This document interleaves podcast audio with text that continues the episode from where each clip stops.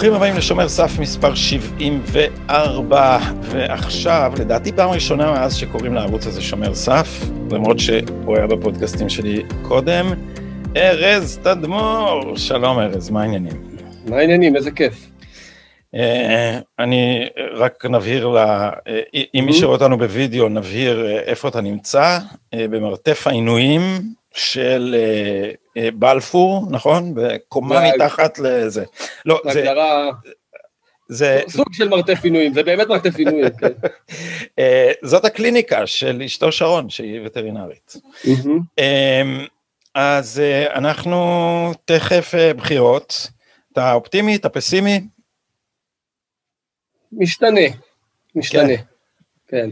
אני, בדברים האלה אני, בגלל כובד מה שמוטל על הכף, שאני חושב שהרבה פעמים גם, גם גורמים לנו וגם יש לנו את הנטייה להסתכל על זה בציניות וכאילו זה לא חשוב, אבל בגלל שאני, אני חושב שגם אתה ככה, אנחנו מודע, מודעים למה שמוטל על הכף, אז אנחנו מאוד מוטרדים מטבענו.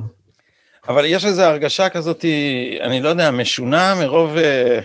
מרוב בחירות? זה נהיה כאילו ישיבת ממשלה של לאומית, כאילו הולכים אה, לקלפי, כאילו זה, זה דבר שבשגרה, מחליפים ממשלות, שבוע הבא נחליף עוד פעם, אולי, אה, אה, אולי גם רוטציה, אז בכלל נהיה כאילו המערכת הולכת ונקלעת למשבר, אבל אה, בכל זאת יש תקווה לא מבוטלת באוויר שסוף סוף אולי יהיה מה שהיה נדמה לנו בסיבוב הראשון ממקבץ הבחירות הקודם, גוש ימין mm-hmm. יציב, שאז יוכל לפנות לטפל למשל במשילות, אתה חושב שזאת אופציה?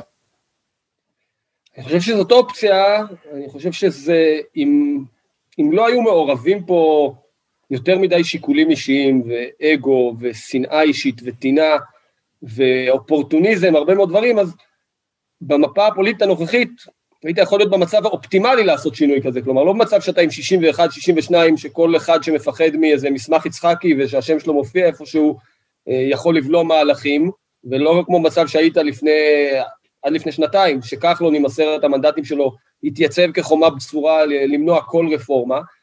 תיאורטית, היית יכול להיות עכשיו עם 75 מנדטים של ימין, שלפחות ברמה ההצהרתית, רובם המכריע, נניח אולי אצל סער יש את בני בגין ויפעת שאשא ביטון, אבל סער עצמו בתיאוריה תומך ברפורמות מול מערכת המשפט, וכנ"ל גם חלקים מהמפלגה שלו, כלומר, היינו אמורים להיות שם מבחינה אלקטורלית. מעשית, השמאל הצליח, וזה הסיפור הגדול, אף אחד לא מדבר עליו, הפרשנים הפוליטיים מסתירים את זה, השמאל הצליח לרסק את הימין. השמאל שהפך למיעוט מבוטל בציבוריות הישראלית. כשאתה עושה סקר, ויצא לי לשבת על סקרי העומק, לא רק על הסקרים של התקשורת, במסגרת העבודה שלי בקמפיינים, ראיתי את הנתונים. עשרה, חמישה עשר, שמונה עשר אחוזים מהציבור, זה מה שמגדיר את עצמו כשמאל. זה מספר האנשים, אחוז האנשים שמגדיר את עצמו כשמאל.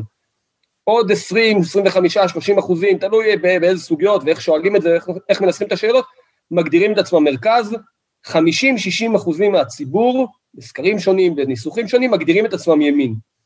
והבחירות הללו לראשונה, הפוליטיקה האלקטורלית הייתה אמורה להתיישר עם ההגדרות העקרוניות תיאורטיות הללו, אבל זה נדפק כי השמאל זיהה שהוא מיעוט, הוא הצליח להמיר את הציר של הפוליטיקה מימין שמאל, מציר אידיאולוגי, תפיסות עולם, ויכוחים בין אי הסכמות על תפיסות עולם ומדיניות, לציר פרסונלי, וכשזה ציר פרסונלי, פתאום השמאל שהוא 15 או 20 אחוזים מהציבור, יכול לקחת איתו את המרכז, שהוא רק לא ביבי, והוא יכול לקחת איתו ימין כמו ליברמן, שהוא רק לא ביבי, ועכשיו אנחנו רואים שהוא לוקח איתו ימין ש...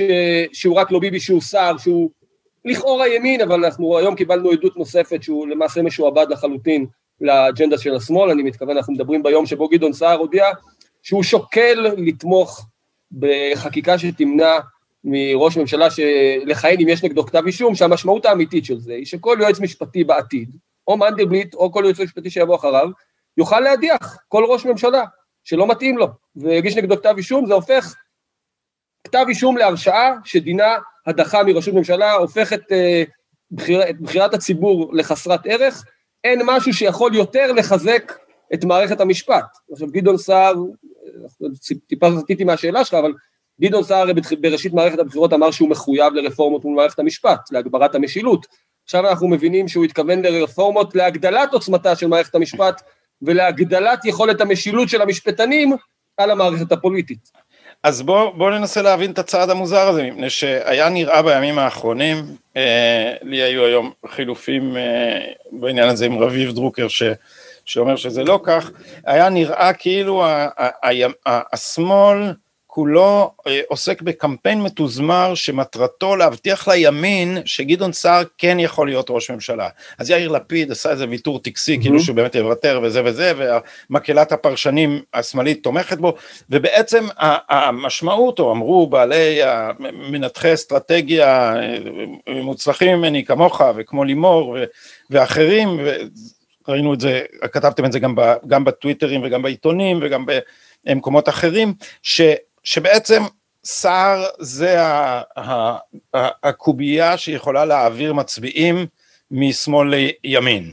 ומימין לשמאל, וכדי שימנים ימשיכו להצביע לסער צריך לה, לה, להשאיר בחיים את האופציה שהוא יחליף את ביבי, כי ימנים, אומרת התיאוריה, רוצים שביבי, שסער יחליף את ביבי. לא מפחיד אז, אותם, פחות מפחיד אותם גדעון סער כראש ממשלה מאשר יאיר לפיד כראש ממשלה. אז, אז, אז את כל התמרון הזה עשו באופן אסטרטגי ממולח אה, אה, יאיר לפיד ו, ולהקתו, אה, וחבריו ופרשניו האוהדים, שזה רוב התקשורת, אה, כדי לשכנע אותנו שהוא יוותר לסער. עכשיו, אז, אז היה נראה שהם עוזרים לו לקחת קולות מימין, אבל עכשיו הוא פתאום בא עם ההצהרה הזאת שאולי הוא יתמוך בחוק לביבי, וזה נראה שהוא, מה, מתנפל על המצביעים של יאיר לפיד, כאילו, לאן הוא פונה? הפרשנות שלי להודעה הזו מהיום היא שזו תגובה לחוצה סלאש מזיעה, אם להשתמש בטרמינולוגיה המגעילה שנוקטים כלפינו תמיד, אז בואו נעשה הדדיות, אה, סלאש בואכה היסטרית, אה, בואכה פאניקה,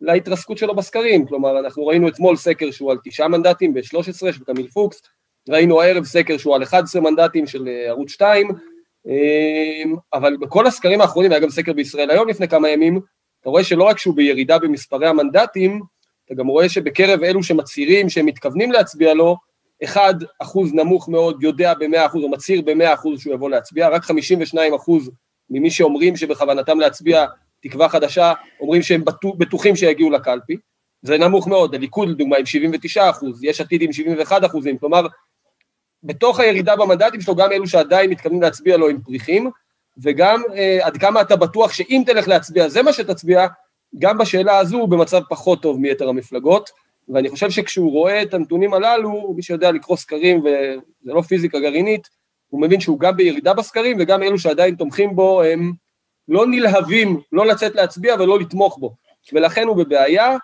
ולדעתי מכיוון שהוא מבין שרוב המנדטים שנשארו אצלו הם מנדטים של רק לא ביבי קשיח, שעלולים לזלוג ל- ליאיר לפיד, הוא בא ופתאום הביא את החיתוך הזה שמאלה של אני אתמוך בחקיקה פרסונלית, שאנחנו זוכרים אותו מתנגד לזה, הוא הסביר יפה מאוד לפני שנה למה שלטון החוק קובע, והחוק קובע מפורשות, וזה מסוכן להעניק ליועץ משפטי ולמערכת המשפט את הסמכות למעשה להרשיע בלי משפט ראש ממשלה. בקיצור, זיגזג כהרגלו. זה מוזר מפני שההימור אה, שלו היה מלכתחילה די פרוע. הרעיון שהוא יצליח אה, להוות אלטרנטיבה באמצעות גוש שרובו יבוא משמאל אבל חלקו יבוא מהחרדים, היה איזה חישוב לא, זה, זה, אתה יודע, יש לי הרגשה ש, שרבים נסחפים אחרי המקסם השווא של המספרים, במקום אה, ה-common sense, כאילו, mm-hmm. איך, אתה רוצה למכור לעצמנו את עצמך בתור אלטרנטיבה של ראש ממשלה ימני, אבל אחר כך אתה מתחיל לספור את עצמך בתור אותו גוש יחד עם המשותפת, איך כאילו, המצביעים בסוף, המצביעים הישראלים, הם, הם, אה, יש להם אינסטינקטים טובים. אה, ואני חושב שמאוד קשה למכור את הדבר הזה לימין, ואני חושב ש, שסער עשה ממש, ממש טעות. האם לדעתך נתניהו הביא על עצמו את, את סער בגלל שהוא... אני, אני אגב חושב אחרת, אני, אני רואה את זה אחרת. אני, ראשית, אני חושב כן. שבמידה מסוימת לא הייתה לו ברירה. כלומר, נתניהו דחק אותו לאיזושהי פינה שאין לו ברירה, אני פשוט חושב שמחוסר הפינה הזה, הוא הלך ונסחף למחוזות השנאה הפתולוגית, אבל יכול להיות שהוא נדחק לעמדה שבה היה לגיטימי שהוא יקים מפלגה. היה מקים מפלגת ימין אחרת, מפלגת ימין שטוענת שהיא תעשה דברים אחרת, אתה יודע, כמו, ניקח את הסרטון, את הסרטון כן. שלך, ו... אבל תציג צריך להגיד, זה לא סרטון שלי, זה אסף הראל כתב, אחר כן. כך לעצמו כנראה, כי הוא גם אחר כך נהיה פוליטיקאי, אבל אה, בסדרה מסודרים, ואני הייתי היועץ הטמבל שלו. כן, אז, אז, אז זה סרטון, אה, מה אתה, זה קלט. אבל אתה, יכול להציג, אני אציג אג'נדת ימין, אשאר מפלגת ימין, ואני אצטרף לקואליציית ימין ואשתמש בכוח הפוליטי שאני אצבור, בשישה, בשמונה, בעשרה, בשנים עשר מנדטים שאני אקבל, כדי להכריח את נתניהו לעשות 1, 2, 3, לתת לי תפקידים 1, 2, 3, אבל הוא לא עשה את זה. הוא לא בא ואמר, אני פוליטיקאי ימני, כל חיי אה, הייתי בימין, זאת האידיאולוגיה שלי, זאת תפיסת העולם שלי. הרי חלק ממה שאנשי ימין סבורים, הוא שמדיניות שמאל היא מסוכנת. אנחנו אנשי ימין, בין היתר, אה, העיקרון הבסיסי של שמרנות, אנחנו מפחדים שיהרסו את מה שאנחנו רוצים לשמר.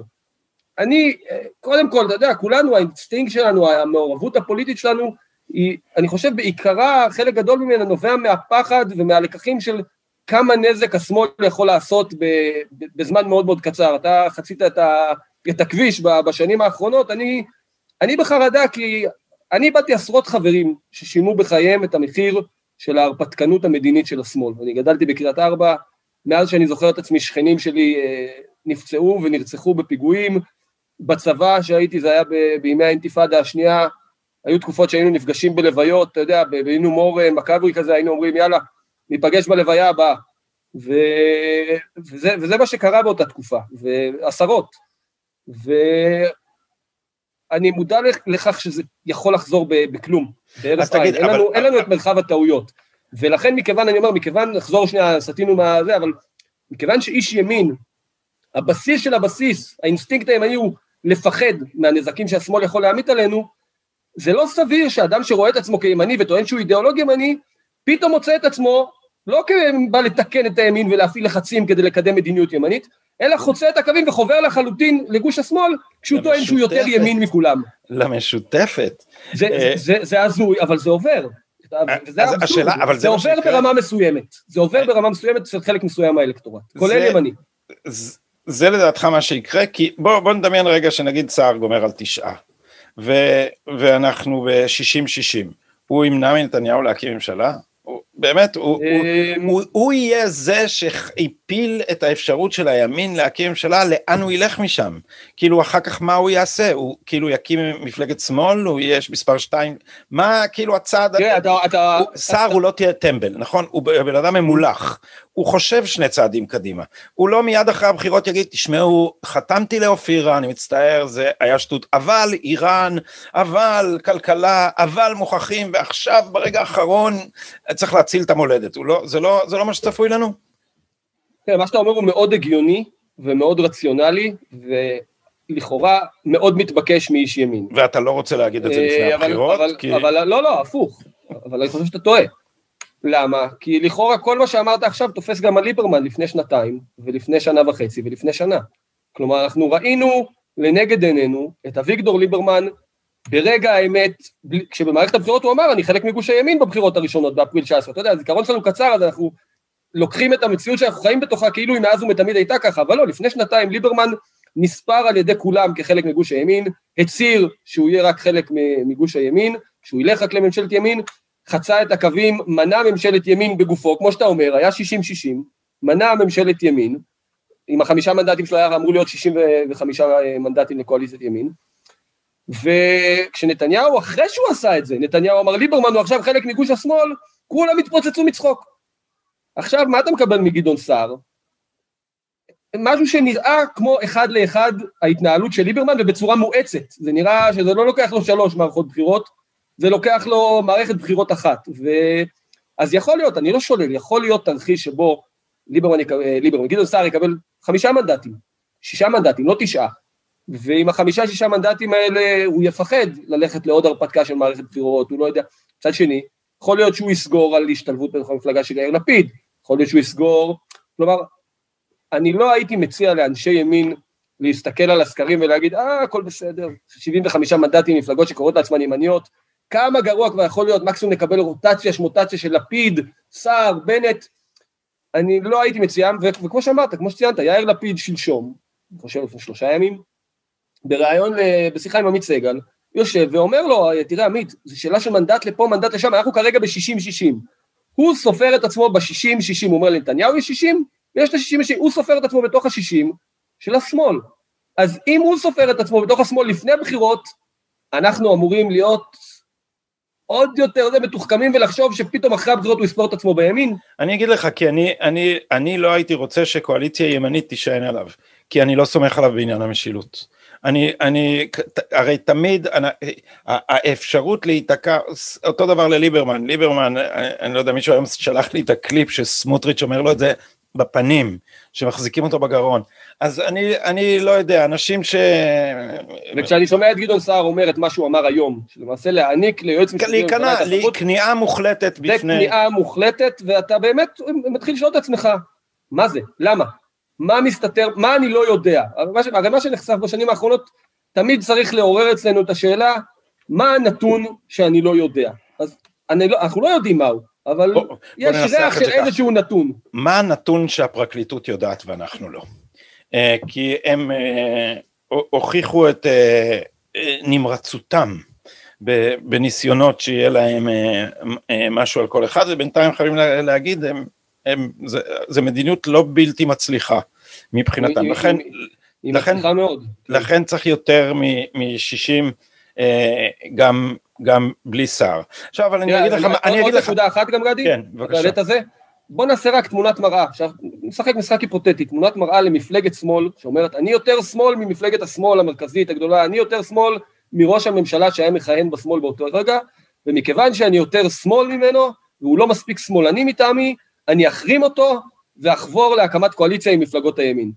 הרי תוך עשר דקות כל התקשורת הייתה מורחת אותו בזפת ונוצות, מגלגלת אותו בתוך חבית מבזה אותו, לועגת לו, הוא היה הופך לבדיחה של מחנה השמאל, כ... אה כן, אתה יותר שמאלני מאיתנו ולכן אתה תחבור לליכוד, לאיחוד הלאומי ולסמוטריץ' ו... ותראה לנו איך אתה מיישם איתם, הוא היה הופך למשל ולשנינה, אבל פה, וזו עדות לכוח של ההגמוניה, לכוח של מוקדי. אלה ששולטים על השיח, בעיקר של התקשורת, לקחת את הטענה הנלעגת הזו ולהפוך אותה ללגיטימית עד כדי כך שאתה רואה ולמה אני חושב שזה מהלך שהוא לא מטומטם, נתחבר לשאלה ששאלת קודם? כי הם לא צריכים להעביר עשרה מנדטים מימין לשמאל, הרי היינו ב-60-60, היינו ב-62-58, הם לא צריכים לקלף מהימין עשרה מנדטים. מספיק שהם מקלפים שניים, שלושה עם זה, הם קילפו ארבעה, חמישה, שישה עם החקירות, הם קילפו חמישה, שישה עם ליברמן, הם לא צריכים לקלף מסה, צריכים לקלף עוד קצת, והם מכריעים את הבחירות. כן, מאוד, אה, מאוד מטרידה המחשבה הזאת. אה, אני, אני מרבה להתווכח ברשתות החברתיות עם חלק מנגיד מצביעי אה, ימינה, שאוהבים לומר, נתניהו תמיד בסוף מעדיף קואליציה מהמרכז. הוא מעדיף לא, כל, נתניהו שלב אומרים שהוא מסית ומפלג, הוא תמיד מעדיף לא לפלג, בסוף הוא, אני חושב שהיסטוריונים שיסתכלו אחורה יגידו, נתניהו זה אחד מראשי הממשלה הכי ממלכתיים. אתה יודע שפעם הייתה לי סיסמה כזאת, שאף אחד לא, זה לא תפס כי זה לא דיבר לאף אחד, you טראמפ נתניהו. כאילו כן. צריך טיפה, אתה יודע, לטראמפ היה איזה יכולת לבעוט ב... ב זה לא תמיד הצליח, כן? אנחנו רואים שזה, שזה גם קומם, אבל חסר איזה דבר כזה של, אה, אתה יודע, להפשיל את השרוולים וסכין בין השיניים. אז השאלה אם הנטייה הזאת לא תוליך את נתניהו אחרי הבחירות, להגיד, תשמע, אני אומר, גם לפיד יכול להיכנס לממשלת נתניהו. כשלפיד יבין שאין לו סיכוי בהמשך ההתמודדות מול נתניהו, אתה יודע, לפיד אין שום ערך לאף הבטחה שלו, והוא uh, התגלמות האופורטוניזם המוחלט, והוא ימצא איזה גמגום ש... יכניס אותו לממשלת נתניהו. אז האם להערכתך פניו של נתניהו יהיה לגוש המרכז, לעשות גוש מרכזי יחד עם איזה מפלגת אה, שמאל או מרכז, על פני הארדקור ימין ורפורמה במערכת המשפט? כן, אני חושב שיש טענות מוצדקות אה, כלפי נתניהו אה, בנושא המשילות, או מוצדקות ברמה מסוימת, אבל הן לא מוצדקות כמו שהן צפו לשיח והפכו כביכול לקונבנציה, למוסכמה. ונניח ניקח את ראשית הדברים שאמרת, הנקודה של הוא תמיד חתר לממשלה עם השמאל על פני הימין וכן הלאה. בוא, בוא נבדוק היסטורית. ב-96 ראשית זה לא נכון. ב-96 הוא הלך אה, לקואליציית ימין. ב-2009 אה, אכן הוא הכניס את אה, אהוד ברק לתוך, אה, לתוך הממשלה, אבל אני חושב שמה שמכריע פה, אם נסתכל על זה במהות, לא, ב, לא בסיסמה, נתניהו ב-2009 נבחר, והוא צריך לבלום את אובמה על לחציו להקמת מדינה פלסטינית, ופתרון שתי המדינות, נסיגה לקווי 67, ועל מדיניותו ביחס לאיראן. האם אנחנו, מנקודת מבט ימנית, ונתניהו החליט שכדי לעשות את זה הוא צריך איזושהי מטריית הגנה בינלאומית שהוא יציג את הפנים המתונות של הממשלה שלו, יהיה לו את הקלף הזה, ואחרי זה אהוד ברק הרי התפצל ונשארו רק, רק כמה חברי כנסת מהעצמאות. אני חושב שיותר קובע בהיבט הזה, יותר חשוב מאשר אם הוא הכניס את אהוד ברק לממשלה אז, מה הייתה מדיניות הממשלה אז? בעיקר ברמה המדינית, כלומר היום אנחנו, מרכז האג'נדה של הימין זה המשילות, אבל ב-2009, 10, 11, 12, מה שבעיקר על סדר היום זה הלחץ המסיבי של הקהילה הבינלאומית בהנהגת אובמה להקמת מדינה פלסטינית. כולנו הרי יודעים איך הפתרון ייראה בסוף, נכון? זאת הייתה המנטרה, כל דיון שהיית הולך באולפנים וכל ויכוח בכנסת, לכולם היה מובן, קשה לנו, כמו שאמרתי קודם, אנחנו חיים את ההווה, קשה לנו לפעמים ללכת אחורה ולחזור מה היה בזירה הבינלאומית ומה היה בזירה הפוליטית, בזירה המדינית ב-2009, 10, 11. ואני חושב שנתניהו, ממשלת 2009-2013, נניח שהוא לקח את אהוד ברק, תמרנה בצורה מופתית מול אה, לחצים עצומים של אה, ממשל אובמה ומנעה הקמת מדינה פלסטינית ונאבקה, ואחרי זה ב-2015 בשיא עם הסכם הגרעין, נאבקה במדיניות של אה, נשיא אמריקני לפשרה עם איראן, אה, עשתה, הוא עשה, אני חושב שמנקודת מבט ימנית קשה לנו לבוא בטענות בסוגיות הללו, גם אם היו הרבה ויתורים טקטיים בדרך, נאום בר אילן, הקפאת בנייה, אני חושב שמנקודת מבט ימנית נתניהו ניצח לאורך כל השלושה העשורים האחרונים, אבל גם בתקופה הזו ניצח מערכה כמעט חסרת סיכויים, אתה יודע, זה היה כל העולם על הימין הישראלי, זה היה השמאל הישראלי, על מוקדי הכוח הפנימיים, הממסד המדיני-ביטחוני, התקשורת, מערכת המשפט, כל הכוחות הפנימיים, הקהילה הבינלאומית, הנשיא קלינטון, הנשיא אובמה, ג'ורג' בוש הבן, האיחוד האירופי, העולם הערבי, כולם היו מול חצי עם פה, חצי עם של מדינה קטנה. הסיכוי שהיינו מנצחים את המערכה הזו לדעתי לא היה גבוה, לדעתי הסיכוי שלנו היה קלוש, ונתניהו הוא הדמות שהובילה את זה מזה שלושה עשורים וניצחה. אז, הובילה את זה, אבל, צריך להגיד, אז, אז בתוך זה הוא היה, לפעמים את היה גורם אחד בצד שלנו בתוך זה, והוא הסרבנות הפלסטינית. גורם אחר, כן. הפלסטינים היו בצד של ארץ ישראל השלמה, אה, ואני חושב שבלעדיהם זה לא היה קורה, ואף על פי כן מוכרחים להגיד... מחלקים לך קלפים, המציאות מחלקת לך קלפים, השאלה היא איך אתה משחק איתם. אני חושב שנתניהו הוכיח שהוא יודע לשחק עם הקלפים שהם לעיתים מחורבנים, ממשל אובמה, ממשל קלינטון, מדיניות אנטי-ישראלית, חולשה בהרבה משברים כלכליים, המציאות, משברים קואליציוניים, יש הרבה מאוד דברים שאתה צריך לאזן בתוכם, ולעיתים אתה מקבל ג'וקר כמו ממשל טראמפ, אבל אני חושב שבשני המקרים, גם כשאתה מקבל את הקלפים הכי גרועים שיש בדמות אובמה, ועכשיו נניח ביידן, וגם כשאתה מקבל את הג'וקר בדמות טראמפ, אני חושב שנתניהו יודע לתמרן עם הקלפים הללו אה, יותר טוב מאחרים. אז לגבי הכנסת ברק ב-2009, אני חושב שזה היה חיוני. זה היה חיוני כדי לבלום את הלחצים של אובמה להקים מדינה פלסטינית. אפשר היה לדפוק את הראש בקיר, אפשר היה ללכת, ראש ממשלה כמו בני בגין, אני מתאר לעצמי, לא היה נושא את נאום בר אילן. הוא היה אומר לעולם לא, אף שעל, אני לא אוותר על אף סנטימטר. הערכה שלי, ואולי תצטרף אליי להערכה הזו, סביר להניח שאם ראש הממשלה ב-2009 מול ממשל אובמה היה בני בגין ולא בנימין נתניהו, לא היה נאום בר אילן. אבל סביר מאוד להניח שתוך חצי שנה הוא היה נופל, מאבד את ראשות הממשלה והייתה אולי ממשלת שמאל של ציפי לבני או who knows מצד שמאל שהייתה זורמת עם אובמה. פוליטיקה, מדינאות, השילוב של הפוליטיקה הפנימית עם הלחצים החיצוניים, אין לי בעיה עם זה שהוא הכניס את, את ברק ב-2009. עכשיו נחזור לסוגיה של המשילות. מה יהיה עכשיו? מה יהיה עכשיו? עכשיו, אה, אתה, האם אתה מעריך שיש סיכוי ש, אה, שנתניהו יקים אה, קואליציה יחד עם אחת מהמפלגות מהגוש השני? שהוא יעדיף את זה על פני, על פני הימין הקשה. אני חושב שלא. אני חושב שבמידה מסוימת, כשאתה אומר יו טראמפ נתניהו, במידה מסוימת, פחות ממה שאני ואתה היינו רוצים, אבל במידה מסוימת זה קרה. אני חושב ש, שרואים את זה. נתניהו בעבר היה שיא הממלכתיות, היום הוא עדיין ממלכתי, אני חושב, הרבה יותר מכפי שכל אחד אחר במצבו היה נוהג. כלומר, בוא נחשוב על כל אחד אחר שהיו תופרים לו תיק, שהיו רודפים אותו, אותו ואת משפחתו, בצורה שרדפו אותו, אני חושב שכל אחד אחר היה מגיב הרבה יותר בפראות. נתניהו בטבעי שלו, במישהו במקור, הוא אדם מאוד מאוד אצילי, הוא אדם שמסוגל לספוג הרבה מאוד ביקורת ושנאה, ובמידה מסוימת הוא לא סופר אותה, במידה מסוימת זה לא נוגע בו, במידה מסוימת הוא מגיב לה במין אה, ג'נטלמניות כזו, ו- ו- וצוחק עליה עם קריצה, ו- ו- ובשנים האחרונות הוא השתנה. אתה רואה יותר כניסה חזיתית ביריבים, אתה רואה יותר קרבות אגרוף פוליטיים, יותר ירידה לבוץ הפוליטי. אה, זה לא שנתניהו לא היה טוב, אני חושב שמעולם לא היה רוב לקידום אה, באמת רפורמה מול מערכת המשפט, אני אפילו חושב שבסוף נתניהו מסתכל ב-2009, כשהוא נכנס, בוא נדבר, זה רלוונטי הרי ב-12 השנים האחרונות, כשהוא נכנס הוא מסתכל, הוא רואה את הבעיה הפלסטינית כאתגר, כאיום קיומי, את הלחצים להקמת מדינה פלסטינית, הוא רואה את האיום האיראני כאיום קיומי, אלה הסוגיות שהוא רוצה לטפל בהן, הוא אכן לא מודע מספיק ולא נותן מספיק דגש לעוצמתה של אה, מערכת המשפט שהולכת ומתגברת. אה, אני חושב שהיום מי כמוהו מודע לזה, אני חושב שאם יהיה לו רוב פוליטי הוא ילך לזה. אגב, לפני שנתיים אחרי שחשבנו שניצחנו בבחירות, באפריל 19, היה משא ומתן קואליציוני להקמת ממשלת ימין, ואז ליברמן תקע את זה.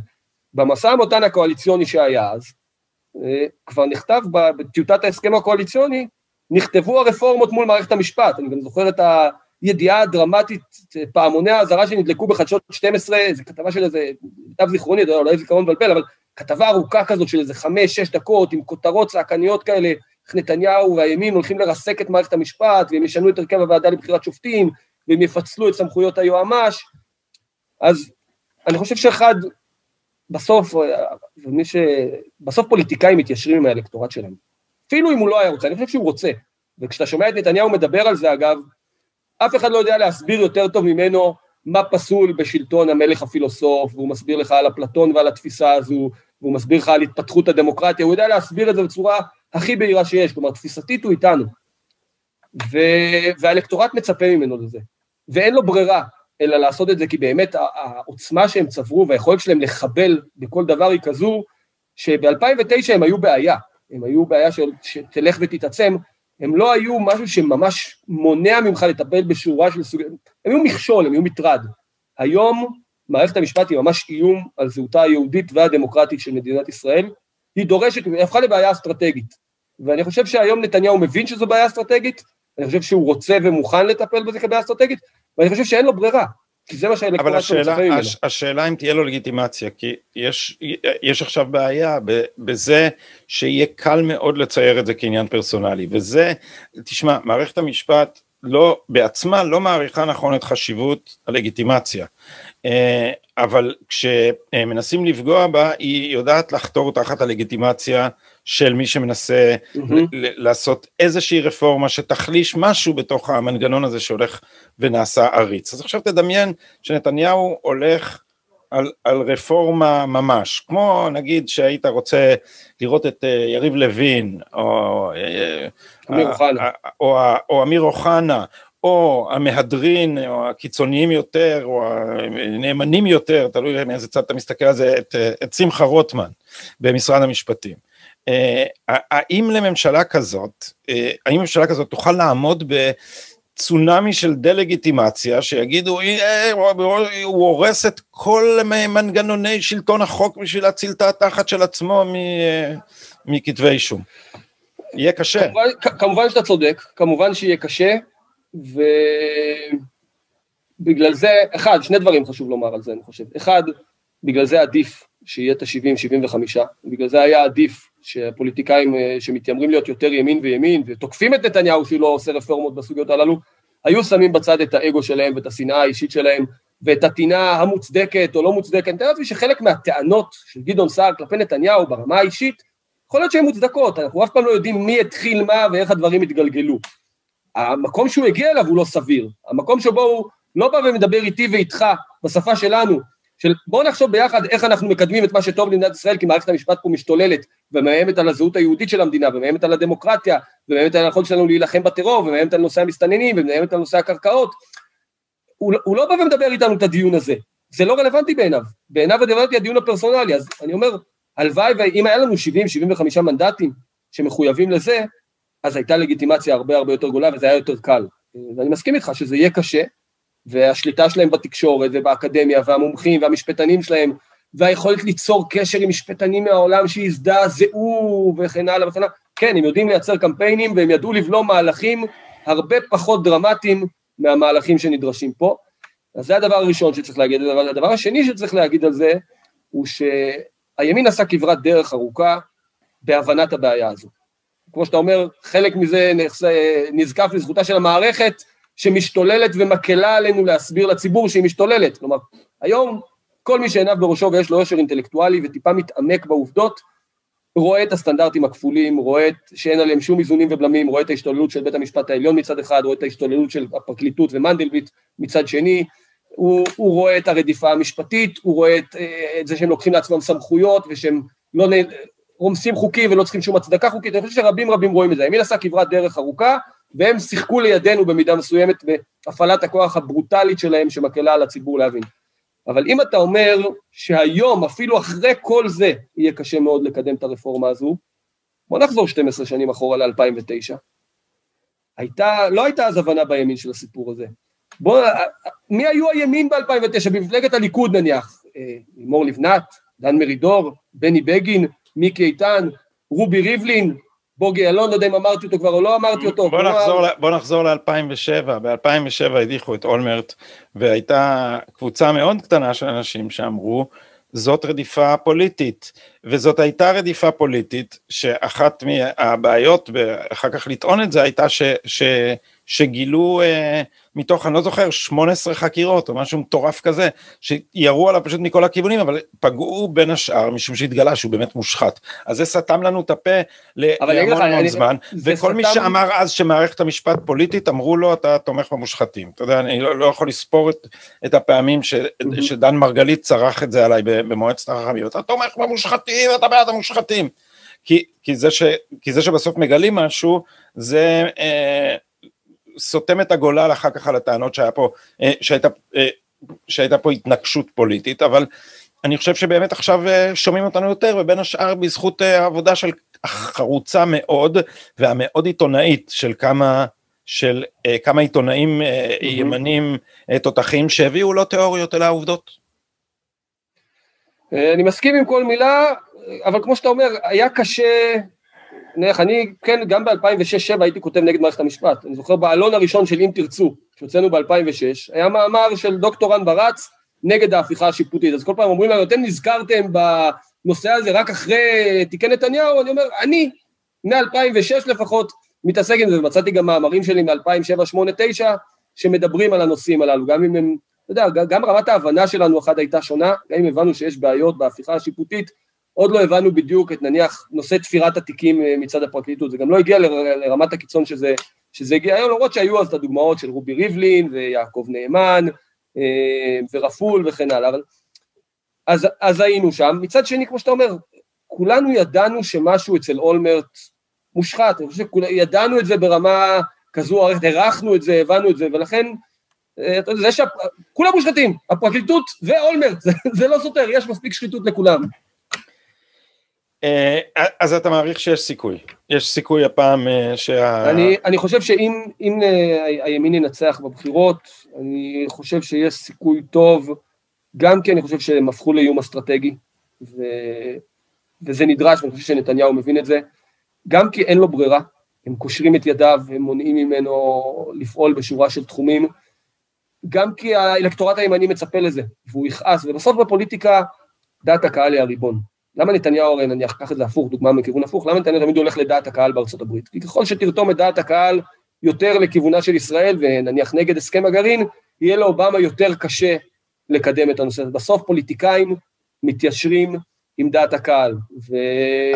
וכיוון שדעת הקהל הימנית מאוד מאוד רוצה את זה, הפוליטיקה הימנית תצטרך להתיישר עם סיפור. אבל, אבל זה, זה, זה, זה אה, טיעון תיאורטי מאוד, וצריך שהדבר הזה יעבור דרך המנגנונים הקונקרטיים של תמסור את הכוח, ולכן יש חשיבות אה, עצומה, אני, אתה יודע, אני מדבר על הדברים האלה בהפגנות, בהרצאות, בכל מקום, ושואלים אותי תמיד, אבל מה לעשות, מה לעשות, אנחנו כבר כל כך הרבה זמן אומרים את זה, ומה לעשות? מה אני האזרח הקטן יכול לעשות? כן. ומה, ש, ומה שאפשר לעשות, זה מה שעושה, כל הכבוד להם, פורום הלל בליכוד. ל, ל, ל, אם, אם יש לכם מנוף השפעה, להתפקד למפלגה ולקדם את הפוליטיקאים שעושים את זה, שעושים, תשמע, אנשים כמו אמיר אוחנה, אה, אה, כמו יולי אדלשטיין, שהיה, אה, כשהוא היה יו"ר והיה לו קונפליקט, הוא סירב להיכנע לתפקידים של... ואחרים, מסתכנים, זה, זה מסוכן. אנשים, אתה יודע, אתה, אתה בטח נתקל בזה גם, אנשים שלא אומרים את זה בתקשורת, אבל פוליטיקאים שאתה מדבר איתם, אומרים לך, תשמע, הייתי זה, אבל אני מפחד מהם. אה, נוחת עליך תיק פלילי, הוא הורס לך את הקריירה, הוא הורס לך יותר מהקריירה, הוא הורס לך את החיים, הוא הורס לך את החיים למשפחה שלך. אפילו אם אתה יוצא זכאי. בין אפילו, שאנשים... אפילו, אפילו לא מוגש כתב אישום, רק החקירה, עינוי הדין, לפשפש לך בטלפונים, לפשפש לך במחשבים, לפשפש ביועצים, לקחת את המחשבים של היועצים שלך, את הניידים של היועצים שלך, אף אחד לא רוצה את זה. שזה לא היה הדבר, זה היה ממש רגע דרמטי בשבילי, כי אני לא יודע אם אנשים יודעים, אנשים התחילו, עיתונאים ימנים שאני התחילו לחוק את הוואטסאפים שלהם. זאת אומרת, הדבר, היוהרה הזאת של, של, של שי ניצן, שאפשר לקחת טלפונים של עוזרי ראש הממשלה בזמן שהוא מוגשים נגדו כתבי אישום, זאת אומרת, הפרקליטות מציצה בין השאר לתוך אה, חיסיון אה, עורך דין לקוח, אני מניח, כי זה אנשים שמתכתבים עם נתניהו התכתבויות אינטימיות, אתה לא יודע מה, מה יש ומה אין בטלפונים האלה, מדברים לא ביניהם על נתניהו. אבל גם לא יכול לדעת, ש... וגם המעט... זה שפרקליטות מרשה לעצמה לקחת טלפונים של עוזרי ראש ממשלה, זה היה רגע, ושי ניצן, אתה יודע, ביוהרה האופיינית, כי הם לא מבינים שיש בעיית אמון, הם פשוט לא מבינים את זה. תראה, אני עכשיו קורא את הספר של חיים רמון, ושם רות דוד, רות דוד שהייתה אה, הייתה פרקליטת מחוז תל אביב, כש, כש, כשהוגש נגדו כתב האישום, היא, היא אמרה, איזה, אני לא זוכר את המשפט, הספר לא פה, אה, היא אמרה איזה משפט שאומר, אה, בחקירה של אה, חיים רמון, הותרו כל האיסורים כי הוא שר המשפטים. זאת אומרת, תראה את האופן מחשבה שלהם, מכיוון שזה נורא נורא חשוב, אז מותר לעגל פינות, שזה, שזה ההפך הגמור ממה שהיה צריך להיות במדינה מתוקנת, שבו אם חוקרים שר משפטים, שלא לומר אם חוקרים ראש ממשלה, הכל צריך להיות בשקיפות מקסימלית לפי הספר, במקום זה הם חושבים הפוך, המטרה כל כך חשובה, שמותר לעגל את כל הפינות אבל עכשיו. אבל זאת ההצדקה, התירוץ, הנימוק הפנימי, ואחרי זה, אבל מה הדבר המדהים? הוא גם מציין שם, אני גם קורא את הספר בדיוק, הוא מציין שם שרות דוד הייתה גדולת המסתערים נגד כל רפורמה שלא קשורה אליה במערכת המשפט, מנגנון ביקורת על הפרקליטות, היא, היא נלחמה נגד הכל, ועל כל שינוי מינורי היא אמרה, זו מתקפה על הדמוקרטיה, זה יהרוס את שלטון החוק, זה יהרוס את מערכת המשפט, ראית אותה משתוללת על כל שינוי מינורי. ומה התברר בדיעבד? לא סתם היא לא רוצה שיהיה מנגנון ביקורת על הפרקליטות, היא גדולת המושחתים, היא פחדה על עצמה, כשהיא נלחמה נגד מנגנון ביקורת על הפרקליטות, היא לא נלחמה אה, נגד משהו תיאורטי, עקרוני, סדרי ממשל, מנגנוני פיקוח ובקרה, שאלה תיאורטית במדע המדינה. היא נלחמה נגד גוף ביקורת שיבקר אותה כמי שהתבררה כגדולת המושחתות שניצלה את כוחה לדברים הכי פליליים שיש, שעד היום מטייחים את זה. בגלל שאין מגנגות, בגלל שהם הצליחו למנוע את זה. זה בלתי נתפס. עוד נקודה נוספת שאני רוצה להתחבר אגב למה ששאלת קודם, גדי, אני אשמח מאוד שסמוטריץ', כן, בבקשה. שסמוטריץ' אגב נניח אחרי הבחירות יבוא ויגיד סמוטריץ' ושמחה יבואו לנתניהו ויגידו אם לא עושים 1, 2, 3, 4, 5 אדון ראש הממשלה בנימין נתניהו אתה לא נשאר ראש הממשלה אני לא נכנס לך לקואליציה אין בעיה יהיה לחץ משמאל לבלום את זה יהיה קשה מאוד לבלום את זה אבל אם יבואו אה, אנשי ימין עם חמישה שישה מנדטים ויגידו אנחנו לא נכנסים לממשלה עם אין 1, 2, 3, 4, 5 מה לדעתך יקרה? זה יקרה אה, אני תכף אמצא גם את, ה, את הציטוט המדויק מרות דוד, אבל אה, הנה, היא אמרה כל האמצעים כשרים. אה, היה מדובר בשר משפטים, זה לא צחוק, כל האמצעים היו כשרים. זה מדהים אופן המחשבה הזה, זה, זה מה ש... בנקודה הזו של חיים רמון, אגב, אני כן רוצה להכות על חטא, לא הנושא אולמרט, אבל הנושא חיים רמון, בזמן אמת, לא הבנתי. לא הבנתי, אגב, לזכותי ייאמר, הייתי צעיר, הייתי בן 26, 27, יש נסיבות מקלות. אני יודע על אנשים שאמרו שזה, שפרשת חיים רמון הייתה בשבילם הרגע שבו הם איבדו את האמון במערכת המשפט. כי באמת, וזה אפשר לראות מי שקורא את, ה, את, את, את, את, גזר, את, את גזר הדין, את, את פסק הדין. אה, פסק הדין שניתן, אה, אני לא זוכר את המונח הטכני, גזר דין זה העונש, נכון? כן. כי, כן. אז פסק הדין כשקוראים אותו, זה ממש, הם, הם, המאמץ שלהם להכחיש סתירות, לסלוח לפרקליטות על, ולמשטרה על עיוותים שלא התעוררו, בין השאר היו האזנות סתר למתלוננת, שפחות או יותר אפשר היה להסיק מהן ש... וגם נשלחו לשכנע אותה להתלונן, היא לא באה להיות מצע להתלונן. שתנ"צ מירי גולן איימה עליה, היא, היא, או ככה היא הבינה את זה, שממש מאיימים עליה, שאם היא לא תגיש תלונה היא תסתבך בגלל שחיים רמון יגיש תביעת דיבה. את הדברים האלה הסתירו מההגנה, הסתירו מההגנה, ואחר כך נתפסו, אבל בית המשפט ממש עשה, אה, ונשיאת בית המשפט העליון אה, בכנס באילת כמה ימים לפני אה, פסק הדין, רמזה מה צריך להיות פסק הדין, זה כולם אנשים שתלויים בה לקידום, ואז אתה מסתכל על פסק הדין הזה, וזה אחד הדברים ההזויים ביותר מבחינה משפטית שאפשר לקרוא ever, יש פה כמה דברים טכניים שלא יכולים להיות נכונים, אבל אני זוכר. שנעצרתי על. על הרעיון שאומרים שם, היא הרי הציעה, היא אמרה לו, השר, אתה רוצה לבוא איתי, לנסוע איתי לקוסטה ריקה? והשופטים אמרו אה, ששום אדם סביר לא יפרש משפט כזה כפלירטוט. עזוב, אולי זה לא היה פלירטוט. אף אדם סביר לא יפרט דבר כזה כן. כפלירטוט, אז זאת אומרת, היה פה ממש, וגם הנשיקה תוארה בצורה, אנשים חושבים, אתה יודע, אנשים שלא... זה ממש, אני קורא את הפרק הזה, זה פשוט מזעזע. כן, אני עוד, עוד לא הגעתי לשם. כן. של חיים רמון, אבל אנשים כולם אומרים, הוא דחף, דחף לה את הלשון לפה, וזה לא נכון. זה לא נכון לפי התיאור שלה, שזה הייתה איזה מין נשיקה מרפרפת כזאת, לפי התיאור שלה. אחר כך השופטים שינו את זה למשהו אחר מגרסתה, ובפסק הדין אתה מסתכל, אתה אומר, זה פשוט לא יתואר הדבר הזה. הם החליטו להתנקש בו, שום עובדה לא עצרה אותם, שום עבירה של המשטרה לא עצרה אותם, וזה ממש, אתה קורא את הפרק הזה, זה ממש מפחיד, זה כמו משפט ראווה במדינה טוטליטרית, החליטו להפיל את השר, mm-hmm. ולא, שום דבר לא יעצור אותם. אמ, אז, אז כן, אבל, אני... אבל הגענו לזה, הגענו לזה דרך, דרך שי ניצן, ומה שרציתי להגיד זה ש... זה ש... שיכרון הכוח של אדם כמו שי ניצן, אני חושב הפך אותו לבלתי רגיש לשאלת האמינות. ואני כל הזמן, יש לי ויכוחים עם פסימיסטים בימין, בלי שמות, שאומרים הם רק התחזקו, הם רק התחזקו, ואני אומר לא, הם, הם לא רק מתחזקים, מפני שהם לא לוקחים בחשבון כמה אמון הוא חשוב למערכות כאלה. אבל אני, אני מבין איך הם גדלים בתוך המערכת הזאת, ואומרים לעצמם, מה אמון, לנו יש את הכוח. אז הם יבואו והם יגידו, וזה יהיה זה, ותפסו אותנו משקרים, ונסענו לחופשה באפריקה, ועברנו עבירות אה, מיסוי וכלכלה, אבל אז מה, הכוח אצלנו. וזה לא נכון לאורך זמן, מפני, שהפוליט... מפני, ש... מפני שהמערכת הזאת בסופו של דבר כן נשענת על אמון הציבור, ויגיע הרגע שכמו אה, בקוסם ארץ עוץ, האיש הזקן שצועק מאחורי הווילון שלא להסתכל על האיש הזקן שצועק מאחורי הווילון. יגיע רגע כזה, שאנחנו פשוט נראה להם יותר מדי, ומה שיקרה אז זה שפוליטיקאים יקבלו אומץ. זאת, זאת הערכה שלי. זאת, זאת, זאת הערכה מהולה בתקווה, את שומעת אותי כן. טוב, אני פתאום שומע אותנו פחות טוב, לא יודע למה. אני שומע אותך מצוין. אבל בסדר. אני, תראה, אמ, אני חושב שהיום הם כבר לא רצים על אמון, היום הם רצים על כוח.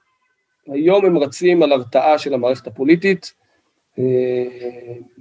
לא על אמון, והשאלה באמת, יודע, יש פה מאזניים, מתי הצד של חוסר האמון והביקורת הציבורית יהיה בעוצמה מספיק חזקה, כמו שאתה אומר, כדי להתגבר על הפחד.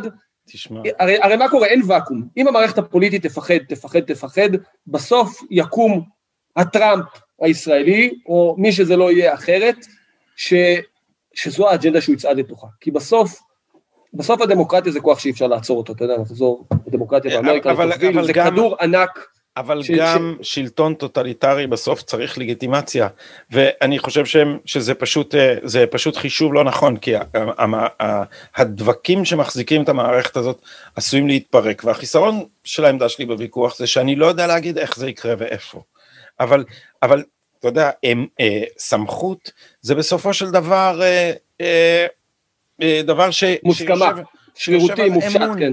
שיושב על, על אמון. על הרתעה לעיתים, לאו דווקא על אמון. אז תראה, זה, אומרים הרי שלא לא אי אפשר חובב, אני לא לחזות... חובב של חנה ארנדט, אבל דבר אחד שהיא אמרה נחקק בזיכרוני, והוא שצחוק מפרק סמכות לגמרי. זאת אומרת, אם עומד מפקד חסר לנו של כיתה בימין. בצבא, שיש לו את כל הסמכות והוא, יהיה, והוא יגיד משהו והכיתה שהוא מפקד עליה תצחק, גמרנו. זה, זה לא יהיה בר שיקום. עכשיו אני לא... זה נכון עד שאתה מגיע לגולאג, כי אם היית צוחק על הקומיסר בברית המועצות, אני לא בטוח בפנים, אני לא בטוח, אבל הרי מה קרה בהתמוטטות ברית המועצות? היא הייתה זה אף פעם לא נכון שזה אחד. כביכול אימפריה, כביכול, כביכול, נכון, כביכול אימפריה, נכון? כן. ואומרים שהיא התמוטטה, אי אפשר היה לחזות את זה, כלומר, שנה לפני אי אפשר היה לחזות את זה, אז אני מעריך שהגענו לנקודה שבה הימין בשל לשינוי, אני לא יודע להגיד אה, שיהיה לנו את מספיק את הכוח הפוליטי, בכלל שננצח את הבחירות, ושגם אם ננצח את הבחירות יהיה לנו את הכוח באמת. תראה, בסוף זה לא רק מערכת המשפט, זו נקודה שצריך לתת עליה, זה חיפוי, זה שילוב, זו סינרגיה, זה מערכות שמגנות אחת על השנייה, זה התקשורת, זה האקדמיה, זה הארגונים החוץ פרלמנטריים, זה הקהילה הבינלאומית, זה הממסדים, זה הפקידות הגבוהה, זה כל אלה שמחזיקים בהון הסימבולי, הפרופסורים, הסופרים, האומנים, הרמטכ"לים לשעבר, ראשי המוסד, יש פה מין, הדבר הזה יש לו משקל, יש לו מוניטין. עכשיו, לא כולם, לצערנו, יושבים ורואים את שומר סף, או קוראים את הספרים שלך ושלי ושל שמחה ושל חנן ואחרים, ועוקבים אחרינו ברשתות, ויש להם כוח לקרוא על הסתירה בגרסאות של ליאת בן ארי, והפרשה שלה, ומנדלבליט, והאישורים. אפילו אנחנו צריכים כל הזמן לחזור אחורה, על עצמי, אני יודע, אני כל הזמן צריך לחזור אחורה ולרענן ולהצליב בין הפרטים, כי זה גודש מטורף של מידע ופרטים, שאם אתה לא פריק של זה, אם זה לא בנפשך ובדמך, זה עובר לידך. רוב האנשים זה עובר לידם. אגב, לא לחינם, אנחנו צוחקים, אם בעינינו אביעד גליקמן נניח הוא, הוא בדיחה. ברוך קרא הוא בדיחה. הוא נכס לאומי. כן, אבל, אבל אנחנו צוחקים על זה ש, שהוא לא מדווח על הדברים. אבל אנחנו צוחקים על זה, ומי שעוקב אחרינו יודע שאנחנו צוחקים על זה. אבל מי שניזון מחדשות 13, לא יודע על הדברים. מי שסומך על חדשות 13, ובוא נגיד ככה, בדור הצעיר, פחות אנשים בדור שלי ומטה נניח, בני 20 עד 40, פחות אנשים אה, צורכים את החדשות שלהם, את האקטואליה שלהם מחדשות 12 ו-13 או מעיתון הארץ. יותר מהרשתות החברתיות, יותר מ... לא יודע, בעיקר מהרשתות החברתיות. בקרב בני 60, זה גם אני אומר לך מסקרי עומק, בקרב בני 60-70, בקרב האבאים, הדודים, הסבים והסבתות, אנשים קוראים ידיעות אחרונות, רואים חדשות 12 ו-13, שומעים גלי צה"ל, זה העולם שלהם, משם מעוצבת תודעתם, ואתה רואה את זה אגב, גדי, במשפט, ואתה, במשפט אחרון על זה, אני אומר לך בסקרי עומק, מידיעה, אתה רואה הבדלים בדפוסי ההצבעה בין צעירים שצורכים את החדשות שלהם מהרשתות ונחשפים בין היתר לדברים שאנחנו עוסקים בהם, לבין מבוגרים ש... אתה יודע, בעיקר פנסיונרים, הנתון המדהים היה הפער באחוזי ההצבעה ליכוד לעומת כחול לבן, שבקרב צעירים היה לטובת הליכוד, ובקרב מי שצורך מהרשתות היה לטובת הליכוד ונתניהו, והיית, הלכת לגילאי 60 פלוס, 65 פלוס, ושם כחול לבן היו, סחפו, סחפו, כלומר, מי שצורך את הפנסיונר שיושב כל היום ורואה טלוויזיה וקורא עיתון בבית, והוא לא בפייסבוק והוא לא בטוויטר והוא לא בגלי ישראל ובערוץ 20, הפנסיונר הזה מצביע באחוזים מטורפים למה שהתקשורת מריצה. זה עובדות, בוא, בוא זה עובד. על, על, על אחוזי uh, הצבעה. Uh, למה uh, אחוזי ההצבעה של הליכוד, או בערים uh, של הליכוד יש יתרון, uh, ממשיכים להיות נמוכים לדעתך? א', בינלאומית, כשמודדים את זה, וזה טבעי, עשירונים תחתונים, סוציו-אקונומי יותר נמוך, פחות מעורבים פוליטית, וסוציו-אקונומי יותר גבוה, יותר מעורבים פוליטית. אני חושב שבישראל זה יותר קיצוני. הייתי שמח, אגב, לראות מחקר בינלאומי על, שישווה את ישראל ספציפית למדינות אחרות, אבל פה זה יותר, יותר בולט וקורה יותר. ואנחנו יודעים, ישראל הראשונה וישראל השנייה, בעשירונים הגבוהים יש יותר שמאל, זה לא 90-10 כמו שהם אוהבים לראות את עצמם, זה יותר 70-30 נניח, ובעשירונים התחתונים יש הרבה יותר הצבעה לימין, הרבה יותר שמרנות, הרבה יותר לאומיות, הרבה יותר נציות, הרבה יותר מסורת, שם יש יותר ימין. אז זו הסיבה הראשונית שאני חושב שעל גבה נבנתה פה אה, משלל סיבות, איזושהי, איזשהו חולי של הימין, שפשוט גורם לנו להשאיר על הרצפה כל מערכת בחירות שישה, שבעה, שמונה מנדטים, אולי יותר. כלומר, אם אתה רואה שבבת ים 52 אחוזי הצבעה, ובגבעתיים 76 אחוזי הצבעה למיטב זיכרוני, או משהו כזה, ואם אתה הולך ל... לרמ... כל, האזור, כל המקומות הללו של הצבעה מאוד מאוד גבוהה, בדקתי את זה ממש לפני כמה ימים כשכתבתי על זה, קח ערים שהיה בהן מעל 45 אחוזי הצבעה לכחול לבן, שכחול לבן הייתה מאוד מאוד דומיננטית, היה שם 75-76 אחוזי הצבעה. לך לערים שהיה בהן מעל 40 אחוז לליכוד, באר שבע, אשקלון, בת ים, חדרה, נתניה, אתה רואה שם בין 52 אחוזים נניח בת ים שבולטת לרעה, ל-61 אחוזים למיטב זיכרוני אשקלון, נניח דברים כאלה. כלומר, זה פער של 10-15 אחוזים, ואת אותו פער, אגב, אתה רואה גם בתוך הערים. לך לבאר שבע, לשכונות שיש בהן יותר, אה, נניח בשכונות של הווילות שם בבאר שבע, יותר מבוססות, אחוזי הצבעה יותר גבוהים לכחול לבן, אחוזי הצבעה יותר גבוהים. לך לשכונות הפחות מבוססות בבאר שבע, יהיה לך אחוזי הצבעה יותר נמוכים. אה, אני חושב שאחד, יש תסכול בימין, איזושהי מין תחושה, מה זה משנה למי אנחנו מצביעים, אלה הכל אותו דבר, זה מין תרגום אינסטינקטיבי של התסכול שלי ושלך, מזה שאנחנו לפעמים מצביעים ימין ומקבלים שמאל, מזה שהימין מתקשה לשלוט, מזה שיש פה אחרים שמחליטים בשבילנו, המשפטנים, בית המשפט, היועצים המשפטיים, זה יוצר תסכול שא' מתבטא גם בירידה באחוזי ההצבעה, ב' התירוץ האולטימטיבי שאתה שומע מאנשים שלא הולכים להצביע זה מה זה משנה כולם מושחתים, נכון? זה, זה מה שאתה שומע, אתה יושב, אני זוכר שיחות עם, יודע, הייתי מנצל, כשעבדתי במערכת הבחירות, הייתי מנצל כל כניסה שלי לחנות, לפיצוצייה, לקנות, אה, לקבל קצת אצבע על הדופק, לדבר עם אנשים, כי אתה תקוע כל היום במטה, וזה, אז כל הזדמנות שיש לך אתה לדבר עם אנשים. ופעם אחרי פעם נתקלתי ממש בבן אדם שמכין לך את הסנדוויץ', או בבן אדם שמוכר לך בפיצוצייה, ואומר לך את אותו דבר, כולם מושחתים, מה זה משנה?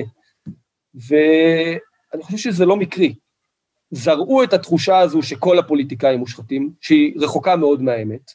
יש פה מי שעושה את הקמפיין שמציג אה, את כל הפוליטיקאים כמושחתים. עכשיו, את מי זה משרת להציג את כל הפוליטיקאים כמושחתים? גם שנייה בצד את זה שבתוך זה משתדלים יותר להציג את הפוליטיקאים הימנים כמושחתים, אבל יוצרים את הרושם שכל הפוליטיקאים מושחתים, שהפוליטיקה היא דבר מושחת, מלוכלך, מסואב, וזה נכון במידה מסוימת, כן? פוליטיקה זה עסק מלוכלך, לאו דווקא מושחת, זה עסק מלוכלך.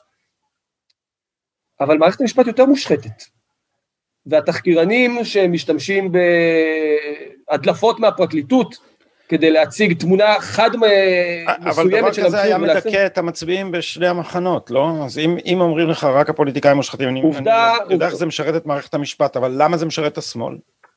כי אמפירית, עובדתית, אתה, אתה רואה שבשכונה של רביב דרוקר מצביעים בה ב-80 אחוז, 75 אחוז, בשכונה של ברוך יקרא, בשכונה של ליאת בן ארי, לך למודיעין, אני לא יודע, במקומות שהם מתגוררים, כלומר זה לא עובד עליהם, בשמאל אתה תראה רתמות גבוהה, כלומר למרות שהם מבינים שהפוליטיקה, בואי, הם מזלזלים, בפול, מזלזלים בפוליטיקאים שלהם הרי נכון? הם לא מייחסים, מסתכלים על הפוליטיקאים שלהם בהערצה, וואי וואי, תמר זנדברג, איזו אישיות, איזו הגות, וואי וואי, מר... הם לא מסתכלים עליהם בהערצה, הם, הם די בזים להם, אבל הם מבינים שהם צריכים לעשות את העשר דקות, ללכת לעמוד בתור, להיכנס, להצביע, וזה יעזור להם, זה ישרת אותם. הציפיות שלהם נמוכות, אבל הם מוכנים לעשות את ה... ו- ואצלנו, אה, בוא, זה כוחה של ההגמוניה, היא מצליחה יותר להשפיע לאן שהיא רוצה להשפיע. יש פה כוונה, כוונת מכוון להציג את המערכת הפוליטית כמושחתת, זה מסייע להחליש אותה.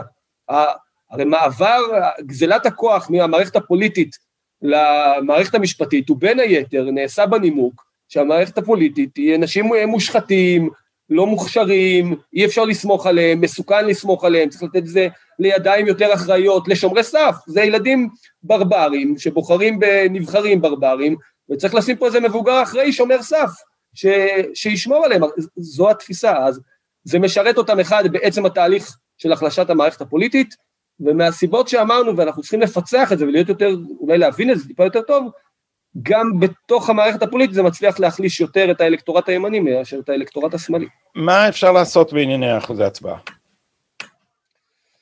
אני הולך לזרוק את זה בכל אה, כוחי ובכל האמצעים העומדים לרשותי בשבועיים הקרובים. אה, היום אמרתי ברדיו מוקדם יותר, כששידרתי, שלא ללכת להצביע פה זה להתנער מהאחריות שלך לחיים שלך, לחיי המשפחה שלך, לחיי השכנים שלך, לחיי העמיתים שלך לעבודה ולחיי אזרחי המדינה שלך. זה ככה פשוט. יכול להיות שכל הפ... בוא, אני לא מסתכל על המערכת הפוליטית בהרצה. אני לא חושב שאני הולך ומצביע לרשימת המופת שאני או אתה היינו מרכיבים ואומר, וואי וואי, איזה אנשים, אחד אחד. לא, אני מודע למגבלות שלה, הציפיות שלי, כמו, גם הציפיות שלי, לא בשמיים. אבל בסוף לנבחרים שלי, זה היופי במנגנון. השיטה בנויה ככה, שיש להם תמריצים ללכת לקראתי כמה שיותר, וככל שנהיה יותר מעורבים פוליטית, ויהיו יותר כלי תקשורת ימניים, ויותר שיח ימני, ויותר ארגונים חוץ פרלמנטריים ימניים, ויותר עיסוק בדברים הללו, וקשר בין הבוחר לנבחר, הלחץ הזה יהיה יותר אפקטיבי. אבל בגדול, יש לנבחרי ציבור, בניגוד לפקידים, בניגוד ליועץ משפטי לממשלה, בניגוד לשופטים שממנים את עצמם מתוך קליקה סגורה, והתמריצים שלהם הם למערכת שמקדמת אותם וממנה אותם, לא לציבור, יש להם אינטרסים מערכתיים, כי שם הקריירה והעתיד שלהם תלוי, הפוליטיקה בנויה ככה, זה היופי בשיטה הדמוקרטית, שיש לפוליטיקאי תמריץ, גם אם הוא לא הפוליטיקאי הכי מוצלח בעולם, הכי ישר בעולם, הכי מוכשר בעולם, הכי אמיץ בעולם, יש לו תמריץ לפעול, לקדם את האינטרסים, את מה שהבוחרים שלו מצפים ממנו, כי אם הוא לא יעשה את זה, הוא לא ייבחר עוד פעם. ארז, ו... לסיום, לסיום אפשר לשאול אותך שאלה אישית בהקשר הזה? Mm-hmm. זה היה זהיר. אה, אני ראיתי את זה מגיע, אני יודע מה השאלה שאתה הולך לשאול, כן, אני חוזר אותה. כי אה, אתה יודע, פוליטיקאים, תמריצים חיוביים וככה, אה, איזה תמריץ חיובי אנחנו יכולים לתת לך בשביל שתקפוץ למים כבר? כי אה, אה, אתה יודע, אנחנו כל פעם אה, שומעים, גם ממך, גם מאחרים, אני שומע את הדבר הזה שהמנטליות של הימין זה שהם ילדים מוכים, הם בסוף רוצים למצוא חן בעיני השמאל, ווואלה, מה אני אגיד לך, אתה נראה לי אחד שלא חייב למצוא חן בעיני השמאל. יש סיכוי כזה? יש סיכוי, אני חושב שזה יותר שאלה של זמן מאשר של אם. לא בוודאות, אח שלי כל הזמן אומר לי, כל פעם אתה אומר פעם הבאה, ואז מגיעה הפעם הבאה ואתה אומר עוד פעם פעם הבאה. אז... אה, אח שלך זה איתן? שניהם אומרים לי את זה, גם איתן וגם יאיר, האמת, אה, אומרים לי את זה. כי אני ממליץ ל... כן, איתן הוא מאוד שנון, שווה לעקוב. אחרי איתן תדמור בטוויטר, אה, הוא נראה... כאילו הוא מלך ה-PC, כן. האיפסטר הפרוגרסיבי האולטימטיבי, אבל הוא... אבל הוא חזק מאוד. הוא שנון והוא חד. הוא מצחיק, הוא מצחיק מאוד. נכון. אה, אז אני מצטרף למייחלים. אה, אולי... אני חושב שזה... אפשר להשפיע מבחוץ לא פחות מבפנים, אבל בסוף, בסוף באמת עיקר הכוח בסוף נמצא אצלם. אנחנו תראה, יכולים לכתוב ספרים ומאמרים ולעשות פודקאסטים ותוכניות רדיו ולהיאבק יום יום ולהפעיל, בין היתר לנסות להשפיע, מה אנחנו עושים? אנחנו משפיעים על דעת הקהל, אנחנו משפיעים על השיח, ואנחנו גם מנסים להשפיע על מקבלי ההחלטות, לקדם, לקבל החלטות כמה שיותר טובות. בסוף עיקר הכוח אה, נמצא שם. אה, נשמע שאתה משכנע את עצמך. אה, אה, אני אשמח לעזור לך בזה. בחיים האישיים, דיברנו על זה, בחיים האישיים יותר מתאים לי לעשות את זה בעתיד. אתה יודע, הגילאים של הילדים, השלבים שאתה נמצא בחיים, אני גם חושב שזה נכון לבנות את עצמך בהדרגה. אני לא אוהב את הריצה הזו של הצעירים לפוליטיקה, אנשים שעשו איזה חצי תחנה, וישר עשו אקזיט לפוליטיקה, והיו באיזה עמותה שנה, שנתיים, אתה יודע, בוא, זה מדגדג לי בקצה הלשון להגיד, איילת שקד ונפתלי בנט, היו חמש דקות בישראל שלי, עשו אקזיט לפוליטיקה. אני חושב שהיה עוזר להם לדוגמה, אם היו יותר שנים בחוץ. יותר, הייתי גם נותן יותר אמון, אם זה לא היה ישר... אה, אני, לא... בקיצור, אפשר להשפיע מבחוץ, ובחיים האישיים שלי זה יותר מתאים לי בעתיד, יותר יתאים לי, ואתה יודע, יאללה, נו. נמתין בסבלנות. אה, ארז, בוא נתחיל אבל אולי גם אתה גדי. אה, אני, אין לי... עכשיו אני אתקיל אותך. אני, אני, אה, דיברו איתי על זה, לא קיבלתי אף המצאה קונקרטית, זה לא... אבל, אבל היו, היו כאלה שהעלו את הרעיון, ואני חושב שהמזג שלי לא מתאים, אז אני כבר אומר לך, גם לא בעתיד. אני די משוכנע שהמזג שלי פשוט לא מתאים לזה, אבל אתה קר רוח ממני בשעת הצורך, אף על פי שאי אפשר להגיד עליך שאתה נטול אש. אה, ואולי אה, לפני שאנחנו נפרדים נספר למאזיננו שאנחנו הכרנו עוד כשהיינו בשני מחנות נפרדים אה, ואני במחנה שלי שמעו על ארז תדמור הנורא, הפשיסט, מהרודף ה... לא יודע, רודף המרצים, כן. רודף המרצים האימתנים, אם תרצו, שהייתי מתווכח איתם במקומות שחילקו ברושורים, ואז משני הצדדים של, של המתרס הזה נפגשנו בקפה בפלורנטין, באחד ממעוזי השמאל, mm-hmm. ואני חושב הצלחנו להחליף דעות באופן אה, פרודוקטיבי. אז... אני, אני לא יודע אם אמרתי לך, אם סיפרתי לך, אבל ב-2003 למיטב זיכרוני, התחלתי לעבוד בעיתון ירושלים. ב-2003 התחלתי לעבוד בעיתון ירושלים, אני חושב שזה היה באותה שנה שסיקרתי הפגנה של שלום עכשיו בשומרון, בבנימין שם איפשהו, והייתה, עצרתם, אתה היית בהפגנה הזו, היית עם דגמח צבאי כזה מצחיק, או דגמח מנומר כזה, ועם העגילים שלך. ככה זה בשלום ו... עכשיו, כולם כן, עם דגמח. ונתת נאום, נתת נאום, למיטב זיכרוני זה היה בתחנת דלק מתחת, ל... מתחת לעלייה לעופרה שמה. אמ, ואני התרשמתי, אתה יודע, הגעתי כאיש ימין שכותב במקומון ירושלמי, הגעתי לסקר בין היתר את ההפגנה הזו, נסעתי איתכם בהסעה, באוטובוס וזה, ואז נתת את הנאום, ואני התרשמתי כבר אז שבניגוד לרוב האנשים שנשאו שם את הנאומים, שהרגשתי שאין שם פעילות מוחית, אמרתי, אוקיי, איתו אני לא מסכים על הרבה מאוד דברים, אתה היית אז ממש בקצה השני של הסקאלה, בשלום עכשיו, אבל אמרתי, וואלה, יש עם מי לדבר. הקשבתי לך מדבר, הלוגיקה שלך הייתה שונה, ואני חושב שזה, בסוף הלוגיקה הזו זה הדבר שהיושר האינטלקטואלי, הזה שיש, הם איבדו חיבור למציאות, הם איבדו חיבור למציאות ולכן הם גם איבדו אותך בין היתר. וצריך להגיד שאנחנו אה, אחר כך עוד התכסחנו פעם אחת, אז מי שיעשה חיפוש על השם של שנינו יראה כמה מאמרים אה, זוהמים, אבל גם זה היה, גם להתכסח זה... אנחנו לא- איפשהו שנינו יש לנו גם את החיבה הזו, אנחנו קצת נהנים מזה, אנחנו כן, לא, כן, אני... לא מחפשים את זה בדרך כלל, אבל אם זה בא, יאללה. אני, אני, אני אומר לעצמי שאני איש ריב ומדון, כי אני חושב שזה נכון. כשזה, זה מראה, אתה יודע, כותבים נגדך, זה מביא לך את האדרנלין ואתה שוקע באיזה פולמוס טוב, זה טוב למחזור אדם. ארז, בוא ניפגש מהצד השני של הבחירות, ואו שנרים כוסית, או שנתאבל, או שנתחיל לתכנן את המהלך הבא, או כל שלושת אלה ברצף. נרים סיגר. כפי שקרה לנו, סיגר, בשאיפה. כפי שקרה לנו במערכות הקודמות. תודה רבה. גדי, תודה. נדבר, להתראות. ביי.